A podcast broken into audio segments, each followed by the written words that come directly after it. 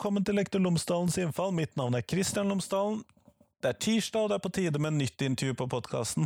Denne ukens intervju er med Anne Høy Horsberg, som jobber i en prosjektgruppe i Vestland fylkeskommune om IKT for fengselsinnsatte, eller for skoleelever som også er fengselsinnsatte. Altså hvordan elever som vanligvis, hvis de hadde vært i en ordinær skole, hadde hatt tilgang på masse elektroniske, digitale, nettbaserte verktøy, men som nå, av at de sitter i fengsel mens de tar skolegangen sin, ikke har den muligheten. Hvordan kan vi sørge for god og likeverdig opplæring til disse? Hvilke prinsipper ligger i bånn? Dette er Ann med på å snakke med oss om, uh, og det intervjuet får du her, vær så god.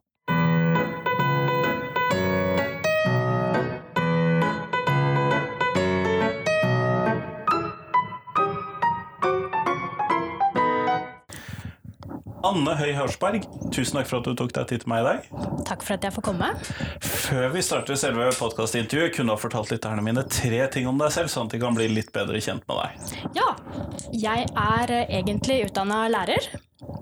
Nå jobber jeg i Vestland fylkeskommune. Jeg må trene på å si det, det er lett å si Hordaland, men Vestland fylkeskommune. Og der har jeg ansvar for koordinering av et IKT-system som brukes for opplæring i fengsler. Og så er jeg egentlig født her på Vestlandet, på Stord, men jeg har vokst opp i Oslo. Ja, Så vi hører ikke vestlendingen i det så lett? Lite. Eh, og det er nettopp dette IKT-systemet som vi skal ta oss og snakke om. Fordi at eh, utdanning fengsel, det vet vi at forekommer.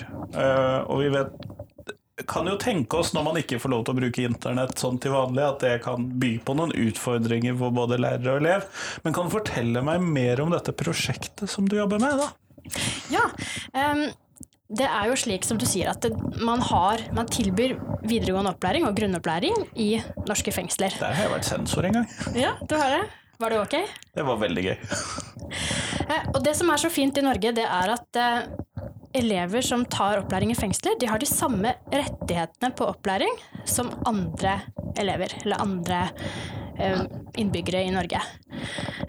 Og det vil si, da, i, i Norge så må du da få opplæring i tråd med opplæringsloven og forskrifter og det læreplanverket som brukes i skolen. Og der er jo IKT en del av dette. Tungt inne. Det er tungt inne, ja. Eh, og det som er da, er at sånn som du sier, når man skal få opplæring i fengsler, så har man litt andre rammer rundt opplæringen enn det man har i ordinært skoleverk. Eh, og så får man da opplæring eh, av hver fylkeskommune som har ansvar for å gi den opplæringen. Men så er det da slik at man, man oppholder seg innen et statlig system, altså kriminalomsorgen. Eh, sånn at eh, Kriminalomsorgsdirektoratet de har ansvar for å skaffe til veie et IKT-system som kan brukes i denne opplæringen. Og det prosjektet jeg holder på med, da, det er ja, det er egentlig ikke et prosjekt, det er stadig pågående arbeid som handler om at vi skal forsøke å utvikle innholdet i det IKT-systemet sånn at det tilfredsstiller de behovene man har for å gi eh, god opplæring da, innenfor eh, rammene som et fengsel gir. Så det er, det er, utfordringen. Det er det vi skal løse. Vi skal skape god opplæring, og vi skal gjøre det med bruk av IKT i fengsel. Nettopp. Og det er jo krav i flere av læreplanene, og det er en grunnleggende ferdighet og i det hele tatt, Det er mye som er knyttet opp til det digitale i undervisning vanligvis. Og så kan vi jo da tenke oss at disse elevene ikke bare får lov til å google svarene sine. I hvert fall er det min eh, første tanke, i hvert fall, om dette. At de ikke får lov til å bare hoppe rett på Google. Ja, og hvis jeg sier deg at de får faktisk tilgang til internett, hva tenker du da? Um, at jeg regner med at det er en begrenset form for internett, eh, antar jeg. Men eh, jeg blir overrasket hvis du sier noe annet. ja, men du har rett. Det er en eh, altså, I det hele tatt, det er en veldig begrenset IKT-løsning. Uh, altså, i, vi kan starte litt sånn på toppen, men opplæringsloven har jo noen ganske sånne flotte vyer om hva du skal oppnå gjennom å gi opplæring i, i dag. ikke sant? Du skal, du skal klare å Du skal utvikle mennesket, ikke sant? og du skal gi folk eh, kunnskap og ferdigheter som gjør at de skal kunne mestre livene sine og delta i arbeid og samfunnsliv. Det er veldig flotte formuleringer. Eh, og det er klart at i det moderne samfunnet så kan du ikke få det til uten å ha inn noe bruk av IKT. Fordi du møter IKT alle veier, ikke sant? Som du gir arbeidsprosesser i arbeidslivet, i hverdagen. sånn at eh, man har funnet ut også innenfor kriminalomsorgen at man, man, er nødt til å ha en viss bruk av IKT. Men så kommer jo konflikten, ikke sant. Fordi eh, du skal gi opplæring i fengsel. Og i fengselet, der er jo noe av formålet med, med gjennomføringen av straff er jo det skal det skal være en, eh, en, reaksjon på et eller annet, ikke sant? og du skal gjennomføre straffen under betryggende omstendigheter. Samfunnet skal være trygg på at dette skjer innen gode rammer, og du skal gjøre det, kriminalomsorgen skal legge til rette for en straffegjennomføring som sikrer at man ikke begår ny kriminalitet, ikke sant. Og det er restriksjoner på kommunikasjon, du skal ikke kunne kommunisere med hvem du vil. Sånn at når eh, disse formuleringene om hva du skal få til med opplæringen, krasjer litt med formuleringene i straffegjennomføringsloven, da, da har du den situasjonen som vi sitter og jobber med hver dag, da. Et spennende krysspunkt, altså. Et spennende krysspunkt. Eh, fordi da, da, da, gir det seg sjøl at du kan ikke Altså du slipper ikke elevene fri på en eh, datamaskin der de har alle mulige tilganger, der de kan laste ned det de vil, der de kan gjøre hva de vil på internett eller, eh, eller sånn. Du, du, har, du får utdelt en maskin som er ganske nedlåst. Eh, det er begrensninger på hva du kan gjøre, masse restriksjoner og kontroll og overvåkning som du er nødt til å samtykke til også at kan skje, da, hvis du skal kunne være inne på denne IKT-løsningen. De skal kunne se skjermen din, med andre ord? Ja, og se hva du lagrer, hva du i det hele tatt gjør der inne. Men eh, du får tilgang til et begrenset internett. Eh, og da er det altså de begrensningene som er der, da, det er helt sånn åpenbart kommunikasjon. Du skal ikke ha tilgang til å kommunisere. Det vil si at du kan ikke, du kan ikke gå ut på sosiale medier, chatte tjenester, eh, opprette profil for, på datingsider osv. Den type aktiviteter er jo helt utelukket. Eh, men så er det også en del restriksjoner på type innhold som kriminalomsorgen ikke vil at du skal ha tilgang til. Og det er jo innhold som kan relateres da til kriminalitet, f.eks. våpen eller eh, ja, pornografi, kanskje. narkotika. Ja. Det er en del forskjellige ting som man ofte ikke vil at de skal se. Ja, som man dreier seg om enten ulovlig eller innhold som gir uheldig påvirkning, da. Så når du er på internett eh, i fengsel og får opplæring, så er jo tanken at du skal ha tilgang til læringsressurser, egentlig. Det er jo det primære. Du skal ha tilgang til eh, internettsider som du kan bruke i opplæringen. Det er jo det vesentlige for lærerne. Og det kan handle om helt sånn konkrete faglige ressurser på Nasjonal digital læringsarena, NDLA f.eks. Men så kan det også være mer generelt eh, nettaviser som gir deg mulighet til lesetrening og demokratiforståelse, samfunnsforståelse, alt dette her. Eh, kanskje ordbøker som verktøy. Så det er den type ressurser vi snakker om her, da. Kan ikke gå ut og spille Fortnite. Ikke Fortnite. Eh de har jo, men, og da er det jo, Du sier jo det at de har tilgang til eh, nettaviser, f.eks. Mm. Eh, og sånn som eh, Nå begynner jo de fleste avisene å kutte ut f.eks. kommentarfeltene sine. Mm. Eh, men det er jo fremdeles noen igjen. Bergens Tidende og VG f.eks. har jo kommentarfelt i aktiv bruk. Har de mm. tilgang på det? Nei. Det er også underlagt kontroll, så det er sperrer for det. Du får ikke tilgang til noen form for kommentarfelt eller chattekanaler. Du kan ikke legge igjen kommentarer på nettsider. Så det som er da, er at ofte innenfor kriminalomsorgen så må Kriminalomsorgsdirektoratet gjøre en jobb før elevene kan få tilgang til nettside. De må være ganske trygge på at eh, den formen for kommunikasjon er sperret. Og det er bra på, på, den siden at vi kan føle oss trygge på at man unngår kommunikasjon som man ikke ønsker at skal skje. Men så kan det igjen gi noen utfordringer for funksjonaliteten på nettsidene.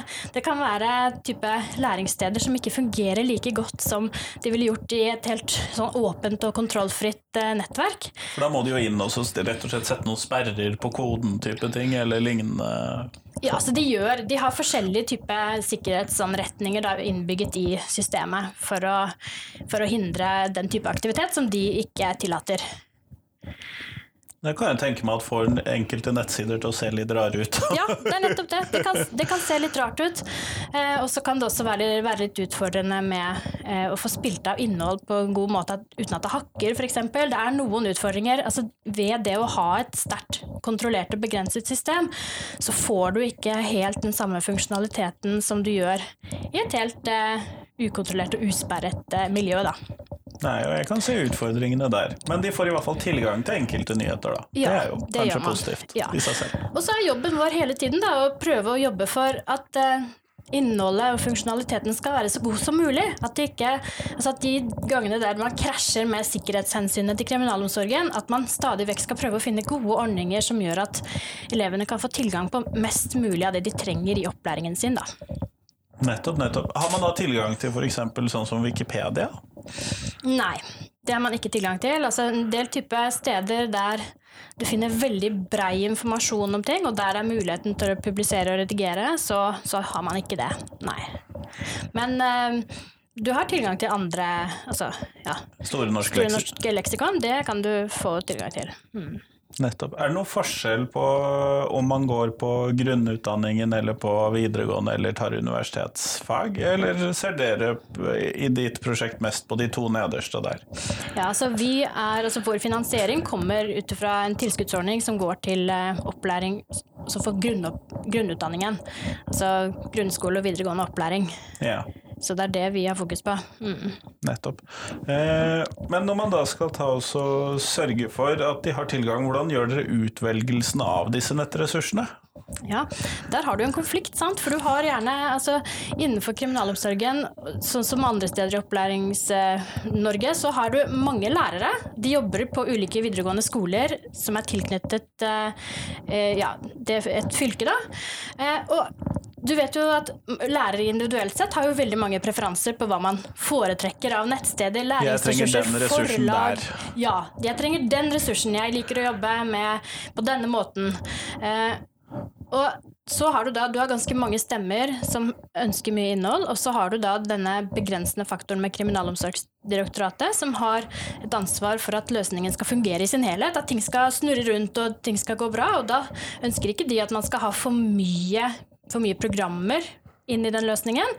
Og de kan heller ikke eh, sørge for å holde åpent og tilgjengelig veldig, veldig stort antall av rettsider. Da.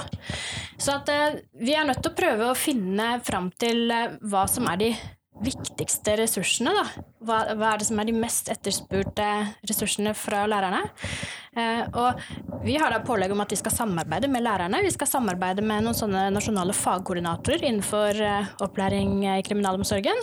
Og vi skal samarbeide med skoleeierne, de andre fylkene. Vi skal samarbeide med lærere, med skoleledere, sånn at eh, vi får bredest mulig innspill på hva som bør inn i løsningen. Men så må vi ta, må vi ta noen valg. Eh, og da må vi jo prøve å veie opp mot hverandre. Ikke sant? Altså hvor, hvor verdifull er denne ressursen? Finnes det andre ressurser fra før som dekker det behovet greit nok? Og så, videre. så den type vurderinger må vi gjøre da. Men så er, det, så er jo vi også jobber jo med opplæringsperspektivet fremst i pannebrasken, så vi også ønsker jo at mest mulig skal være tilgjengelig. Eh, Det skal være størst mulig eh, frihet for lærerne i å velge de læringsressursene som, eh, som fungerer best opp mot sine behov, sine enkeltelever, sin elevgruppe totalt sett. Og det er en sånn det er en kjempeutfordring for oss. For vi har, altså, hvis du tenker deg vanlig ordinært skoleløp, de elevene du møter i klassene dine, det er ofte elever som er, er litt homogene. De er like gamle. De har ca. like mye fagkunnskap fra før av. Og så skal du bygge videre på det. Du har dem gjerne inne. eh, Du vet hvor lenge du har dem inne. De starter et skoleår, og så avslutter de det skoleåret før de går over til neste. Mens i opplæring innenfor kriminalomsorgen så er det jo ikke sånn. Der har Nei. du elever samlet i en klasse som har ja, De er ulike alder, de har veldig ulik utdanningsbakgrunn. Og du har et, du har et særlig behov da, for å kunne tilrettelegge mye ut ifra hva den enkelte trenger. Eh, og da trenger du jo nettopp dette her. Du trenger mulighet for å kunne plukke og velge læringsressurser som er best mulig da, egnet for akkurat den eleven. Ut ifra det ståstedet som den eleven har. Hva den eleven trenger å bygge videre på i opplæringen. Og det er vel kanskje litt forskjeller på en 35-åring som ikke har fullført grunnskolen, og en eh, 19-åring som egentlig skulle gått i første gym. Ja, kjempestore forskjeller. Det kan jeg se for meg. her, Det, det du beskriver, høres jo for min del ut som litt sånn, hva skal vi kalle det, permanent å sitte i eksamensmodus uh, på It's Learning. Er det egentlig jeg litt hører at man gjør? Ja, For der har man jo også sånne begrensninger. Du får lov til å besøke disse sidene, og du får lov til å gjøre dette. Vær så god. ja. Du er det. Du må, du må forholde deg til noen rammer hele veien i, i opplæringen din. Uh, og det, her, det er jo en utfordring for lærerne, det er klart det. Eh, det er mange ressurser som de skulle ønske seg som man ikke får. Og vi ser nå, ikke sant, nå har vi fagfornyelsen på trappene, og forlagene utvikler masse nye læringsressurser som skal tilfredsstille alt dette nye. ikke sant? Det skal være ressurser som gjør det mulig å gå i dybden med dybdelæring, og som gjør mulig, skal gjøre det mulig å jobbe med tverrfaglige temaer, og som er veldig sånn direkte innrettet da, mot eh, nytt læreplanverk. Eh, og så ser vi da eh, fra fengselsopplæringens perspektiv at mye av dette her er jo utilgjengelig for oss. Fordi det finnes en del restriksjoner. Vi kan ikke ha inn, altså innloggingsressurser. Det er vanskelig for oss. Fordi at hvis du skal gi eleven mulighet til å logge inn, så kan du også ende opp med å gi eleven tilgang til, til noe du, man ikke skal kunne få til. Da.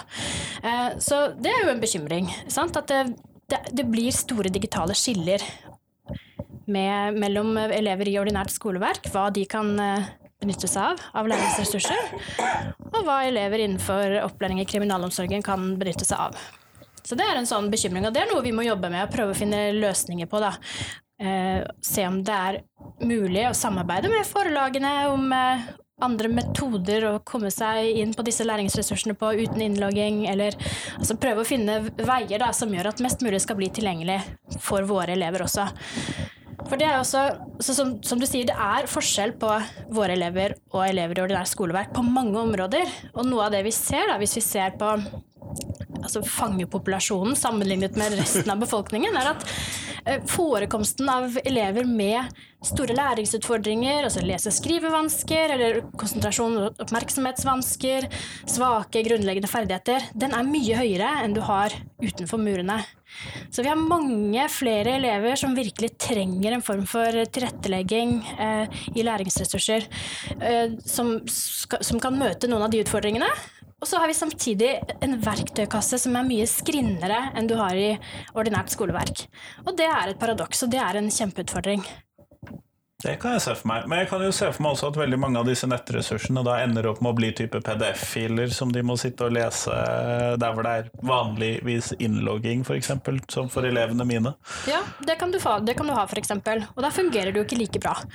For altså, noe av det som er som er vanlig i dag i opplæringen, er jo at du skal vise mye visuelt. ikke sant? Altså Film som en inngang til å forklare fagstoff er jo blitt mer og mer vanlig. Og det er jo ganske logisk, fordi det handler jo om hvordan vi mennesker naturlig sett lærer. ikke sant? Vi lærer jo ofte ved å se noen gjøre noen ting. Gjøre en operasjon, gjøre en prosess. Og så observerer vi, og så lærer vi. Og sånn har det vært siden tidenes morgen. sant? Eh, Så at visuelle læringsressurser, det, altså det ønsker vi oss, og det trenger vi i veldig stor grad. Og også særlig for å møte behovene til elever som kanskje har svak tekstforståelse eller andre typer leseutfordringer. Og så får vi da ikke tilgang til alle de læringsressursene. Det Nei, Man kan vel ikke bare slippe dem ut på YouTube heller? Nei, det er nettopp det. YouTube, for. Altså, hvis du skal lære deg noe nytt, så går du gjerne på YouTube og Jeg sjekker. det. Ja, hvordan kan du gjøre dette? Hvis du skal, vet ikke hva du skal gjøre, men du skal finne ut hvordan du skal skifte et eller annet blinklys på bilen din, eller du skal finne ut ja, hvordan kan jeg hekle en vott, ikke sant? og så ser du en oppskrift. Eh, og så kan du ikke gjøre det med elevene, nei. Fordi på YouTube finnes det også en del type innhold som kriminalomsorgen er opptatt av at elevene ikke skal ha tilgang til. Og det er såpass vanskelig å kontrollere at der ryker jo hele siden fort ut. Ja. For du kan ikke bare sperre på kategorien 'dette passer ikke inn'. Nei. Jeg ser at det er en utfordring. Eh, Hva tenker du på som de største mulighetene for eh, en sånn IKT-løsning? Eh, Har det noen overføringsverdi til oss andre, f.eks? Akkurat vår type IKT-løsning. altså det fokuset som dere har, særlig på dette med tilrettelegging, og få dette til. Kan det Nei, altså noe, noe av det som nevnes som utfordringer ved eh, IKT-tilgang i dag, er jo at det også kan fungere distraherende. og sånn sett så kan du jo si at eh, vi har jo et IKT-system som i, i, mindre grad enn eh, andre kanskje inneholder fristelser for elevene, da. Det har vi nå. Det er, om det er bra eller ikke, kan du jo, du kan jo se det på Det er en egen debatt, tror jeg. Det er en egen debatt. Um, men um, disse restriksjonene de gjør jo også det, da. Men, men uh, det er jo likevel altså, Først og fremst så er det en utfordring. Altså, det er, per nå så er det vi som ønsker å ha mer av det som ordinært skoleverk har i vår løsning, enn motsatt, tror jeg. Fordi det er såpass store svakheter med innholdet og de mulighetene vi har til å møte elevenes behov, da.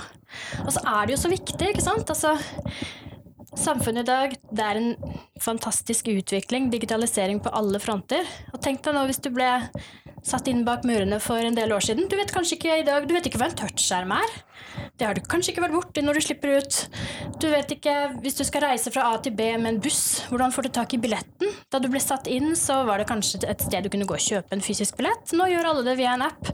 Eller samme hvis du skal betale parkeringen for bilen din.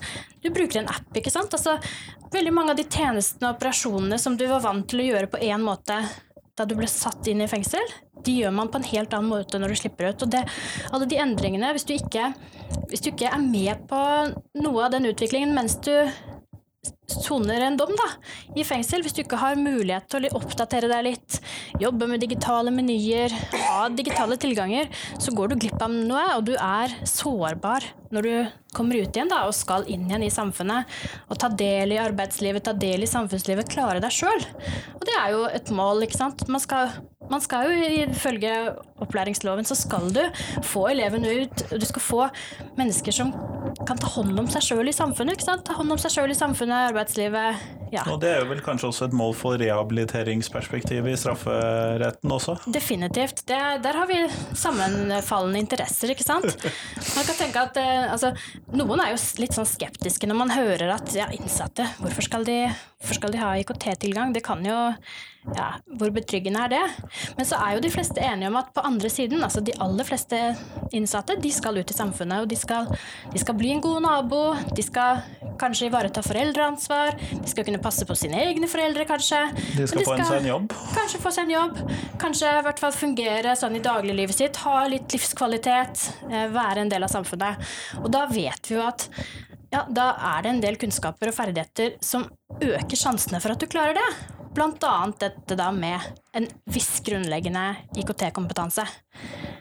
Så det er ekstremt viktig at vi får dette inn i opplæringen. At ikke vi har på en måte to versjoner av opplæringen. En versjon av opplæringen som gir deg altså I fagfornyelsen så kaller de det en sånn framtidsrettet opplæring, ikke sant? som gjør at du skal kunne møte arbeidslivets behov i framtiden, bl.a. Eh, det er viktig at vi ikke får en opplæring innenfor murene som begrenser deg som ikke gjør deg like rustet da, til Det kan jo være utfordrende nok å søke jobb med den typen hull i CV-en også? Ja, absolutt. Du er mye mer utsatt for å falle utenfor. Og det er jo, det er jo en stor satsing på at man ikke skal ha, ikke sant. Man ønsker å jobbe mot utenforskap, frafall, ja, generelt i samfunnet. Og da blir det å få på plass eh, godt digitalt innhold som en del av en god opplæring et ekstremt eh, viktig prosjekt. da. Mm. Kunne man sett for seg at uh, elevene fikk full digital tilgang, i hvert fall på senere stadier i fengselsoppholdet? Ja, det kan man jo se for seg. ikke sant? At i en sånn fase der du skal ut av uh, kriminalomsorgens grep Tilbakevendingsfasen? Og, ja, tilbakeføringsfasen. At du da har en friere tilgang. Og det praktiserer kriminalomsorgen til dels i dag også, ved at uh, folk kan f.eks. ha en jobb utenfor fengselet og når man deltar i arbeidslivet, så kan man da ha tilgang til uh, internett og Ja, for da får du plutselig en vanlig datamaskin. Ja, da kan du ha tilgang til det på dagtid f.eks., mens du kanskje på ettermiddagen vender tilbake til litt mer uh, restriktive omgivelser. Da. Uh, og kriminalomsorgen har jo også begynt å tenke nytt når det gjelder digitalisering. De holder på med sine prosjekter, de også, for å møte, møte de utfordringene som det digitale samfunnet gir, da. Ja, fordi du sitter på det som eh, Du sitter på et prosjekt innenfor det som dreier seg om opplæringsbiten. Ja. Men det er jo bare noen av døgnets timer for de som sitter inne bak murene. sånn at eh, resten av døgnet er jo ikke du en del av. Nei. Der er det jo også viktig at man får på plass IKT-tjenester, og at man har muligheten til å oppheve seg digitale ferdigheter. Absolutt. Også for de, de som ikke er elever hos oss, da, men de som eh, går i andre typer aktiviteter hos kriminalomsorgen. Men det er, ikke det, det er ikke de vi jobber med da. Vi jobber med dette her i opplæringsperspektivet. Ut fra hva, man, hva som skal til for å tilfredsstille de kravene som er i, i læreplanverket. Mm. Nettopp. Der er det jo en forskjell som er viktig å huske på når man hører denne episoden. Ja, det er en forskjell. Ja. Eh, og vi er veldig heldige i Norge, syns jeg, som har den opplæringsloven utformet slik at den gir de rettighetene den gjør. For vi kan jo se da, altså nå, nå har jeg kanskje kommet med noen eh, bekymringer eller betenkeligheter rundt det IKT-systemet vi tilbyr i norske fengsler for opplæring. Men hvis vi skal sammenligne det systemet med systemer i andre land, så er vi likevel godt stilt, ikke sant. Og vi har, altså, vi har kanskje flere muligheter innenfor IKT-systemet enn det man har i mange andre land, i hvert fall utenfor eh, Norden. Eh, men det er jo også pga. måten vi har organisert oss. ikke sant? Vi har skoleverket som har ansvaret for opplæring innenfor kriminalomsorgen. Og det vil si at når vi stiller krav til IKT-en, så gjør vi det ut ifra de kravene som gjelder i ordinært skoleverk. Sant? Det er ikke sånn at vi sitter med de begrensningene eh, i hodet som kriminalomsorgen setter opp. Dere er først og fremst skoleansvarlig, ikke fengselsansvarlig? Ja, vi har ansvar for forvaltning av det lovverket som, som ligger til opplæring sant? å forvalte, og for å bidra til at vi skal fylle de kravene som framgår der. Da. Og det er ekstremt viktig. Og det gjør også at vi hele tiden dytter på de grensene. Vi dytter på, vi ønsker mer innhold Eh, bedre tilpasninger, flere muligheter, fordi at vi ser at det er en konflikt mellom det vi gjør per i dag, og det vi ønsker å kunne gjøre for våre elever. Og det at vi har den der, altså, den der iveren hele tiden hos våre lærere, som etterspør mer, som stiller krav, som ut ifra et sånt rent opplæringsperspektiv vurderer at det de har per i dag, ikke er bra nok for å møte elevenes behov, det er veldig sunt for hele systemet. Eh, og kriminalomsorgen, de er jo altså de, de, er jo på et litt annet sted. ikke sant? De skal ivareta noen andre hensyn. Og det må vi ha forståelse for, men det at ikke de hensynene er noe som er på en måte nedfelt i våre arbeidsavtaler på opplæringssiden, da, det er veldig bra. Fordi det gir oss et eh, utgangspunkt for å ha de der diskusjonene. Ja, ok, for å ivareta sikkerheten, så er det disse begrensningene. Men hvis vi skal ivareta noen av de ønskene og behovene vi har på skolesiden, så er det disse behovene vi har. Kan vi finne noe, en måte å forene dette her på, som ikke går på akkord da, med disse sikkerhetsrammene som kriminalomsorgen har? Så det blir hele tiden et samspill av en utvikling som går litt sånn frem og tilbake, hvor man prøver ja. å spille litt ball for å få det til opp og gå. Ja. Dette er som vi kaller for forvaltningssamarbeid. ikke sant? At vi har, vi har, flere sektorer, men vi er en del av den samme verdenen. Og for å få ting til å fungere i det praktiske hverdagen, så må vi samarbeide. Vi må diskutere, vi må, vi må ha kontakt, vi må prøve å finne løsninger sammen, da. Og det er, det er jo veldig spennende arbeid. Det høres ut både spennende, det høres frustrerende ut, og det høres ut som noe som kan være veldig tilfredsstillende også. ja, definitivt. Eh, det var mye forskjellig der. Eh, vi går mot slutten av podkastepisoden, og da har jeg et fast spørsmål som jeg stiller til alle de som kommer på podkasten. Og det er eh, hvis noe skal ut av skolen, hvis du fikk bestemme. Og da kan du selvfølgelig hive ut noe fra eh, ordinær skole også. ja. Jeg trenger ikke å føle deg forpliktet til å forholde deg til fengselsskolene som sådan. Men hva skal ut hvis du fikk bestemme? Ja, hva skal ut? Um, altså, det vi ser Jeg må nesten ta utgangspunkt i litt i det vi ser hos oss, da. Men altså, blant våre elever så er det jo sånn du ønsker at elevene skal mestre livet sitt. sant? Uh, vi kommer jo i kontakt med ganske mange elever som kanskje ikke helt har de ferdighetene og og kunnskapen som gjør at de selv opplever at de mestrer livet sitt. De syns kanskje de har gått på en smell i løpet av opplæringsløpet, eller på mange arenaer i livet. Og hvis jeg skulle tatt noe, noe, ut, da, det blir jo å slå inn åpne dører, men da må det kanskje være å ta ut noen av de strukturelle hindringene som er for å få gitt disse her hjelp på et tidligere tidspunkt. Få gitt de mestringsopplevelser tidligere? Ja. Klare å ivareta det. Altså få gjort den tilretteleggingen tidligere. Altså de hindrene som er for det i dag, fordi alle lærere ønsker det jo. Å få hjulpet eh, de som de ser trenger det, på et tidspunkt der man tenker at man har gode sjanser for å få ting til å snu, da. Men de hindringene, de ville jeg tatt vekk. Nettopp, nettopp. Tusen takk for at du tok deg tid til å komme til meg i dag. Takk for at jeg fikk komme.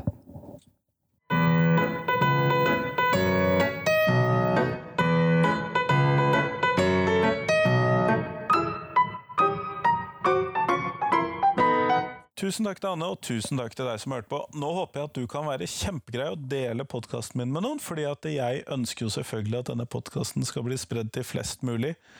Oftest mulig, og med flest mulig av episodene som blir spredd. Det syns jeg er kjempegøy når jeg treffer mennesker som forteller meg at de hører på podkasten min, eller har hørt om den, eller i det hele tatt. Jeg syns dette er kjempegøy å kunne få lov til å spre kunnskap som folk samler opp, og spre det videre.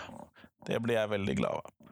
Men i hvert fall, fram til neste uke så håper jeg at du kan dele podkasten min til i hvert fall to stykker. Da blir jeg kjempeglad, og så høres vi igjen om en uke. Hei, hei.